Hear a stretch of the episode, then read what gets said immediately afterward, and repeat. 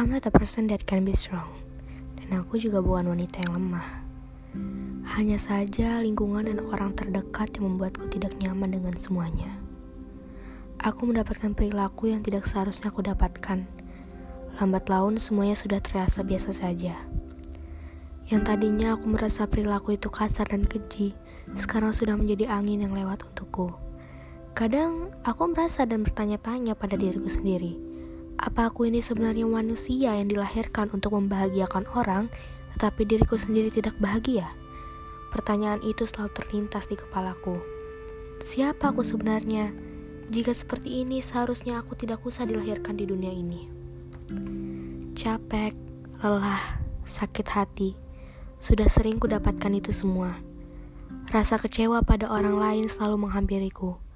Kadang aku ingin sekali memohon kepada Tuhan untuk memberikanku hidup yang lebih indah daripada ini semua. Namun, semuanya terlihat mustahil. Suatu saat aku ingin melihat diriku bahagia walau semua itu sangat jauh dari kata nyata. Tuhan tidak adil padaku. Kadang pandanganku pada Tuhan begitu, tapi aku merasa terkadang diriku bodoh jika beranggapan seperti itu pada Tuhan. Jadi apa yang seharusnya aku lakukan? Menangis, menangis, menangis terus sampai air mata ini berubah menjadi darah. Sekarang aku sudah tahu jika aku bisa terbilang mengeluh dengan Tuhan.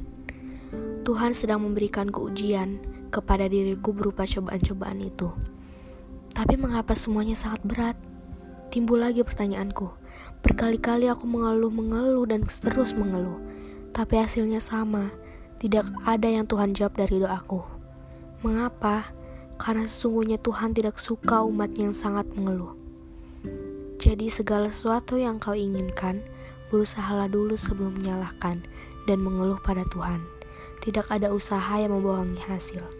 Dan selagi engkau ingin berusaha dan berdoa, niscaya Tuhan akan mengabulkannya.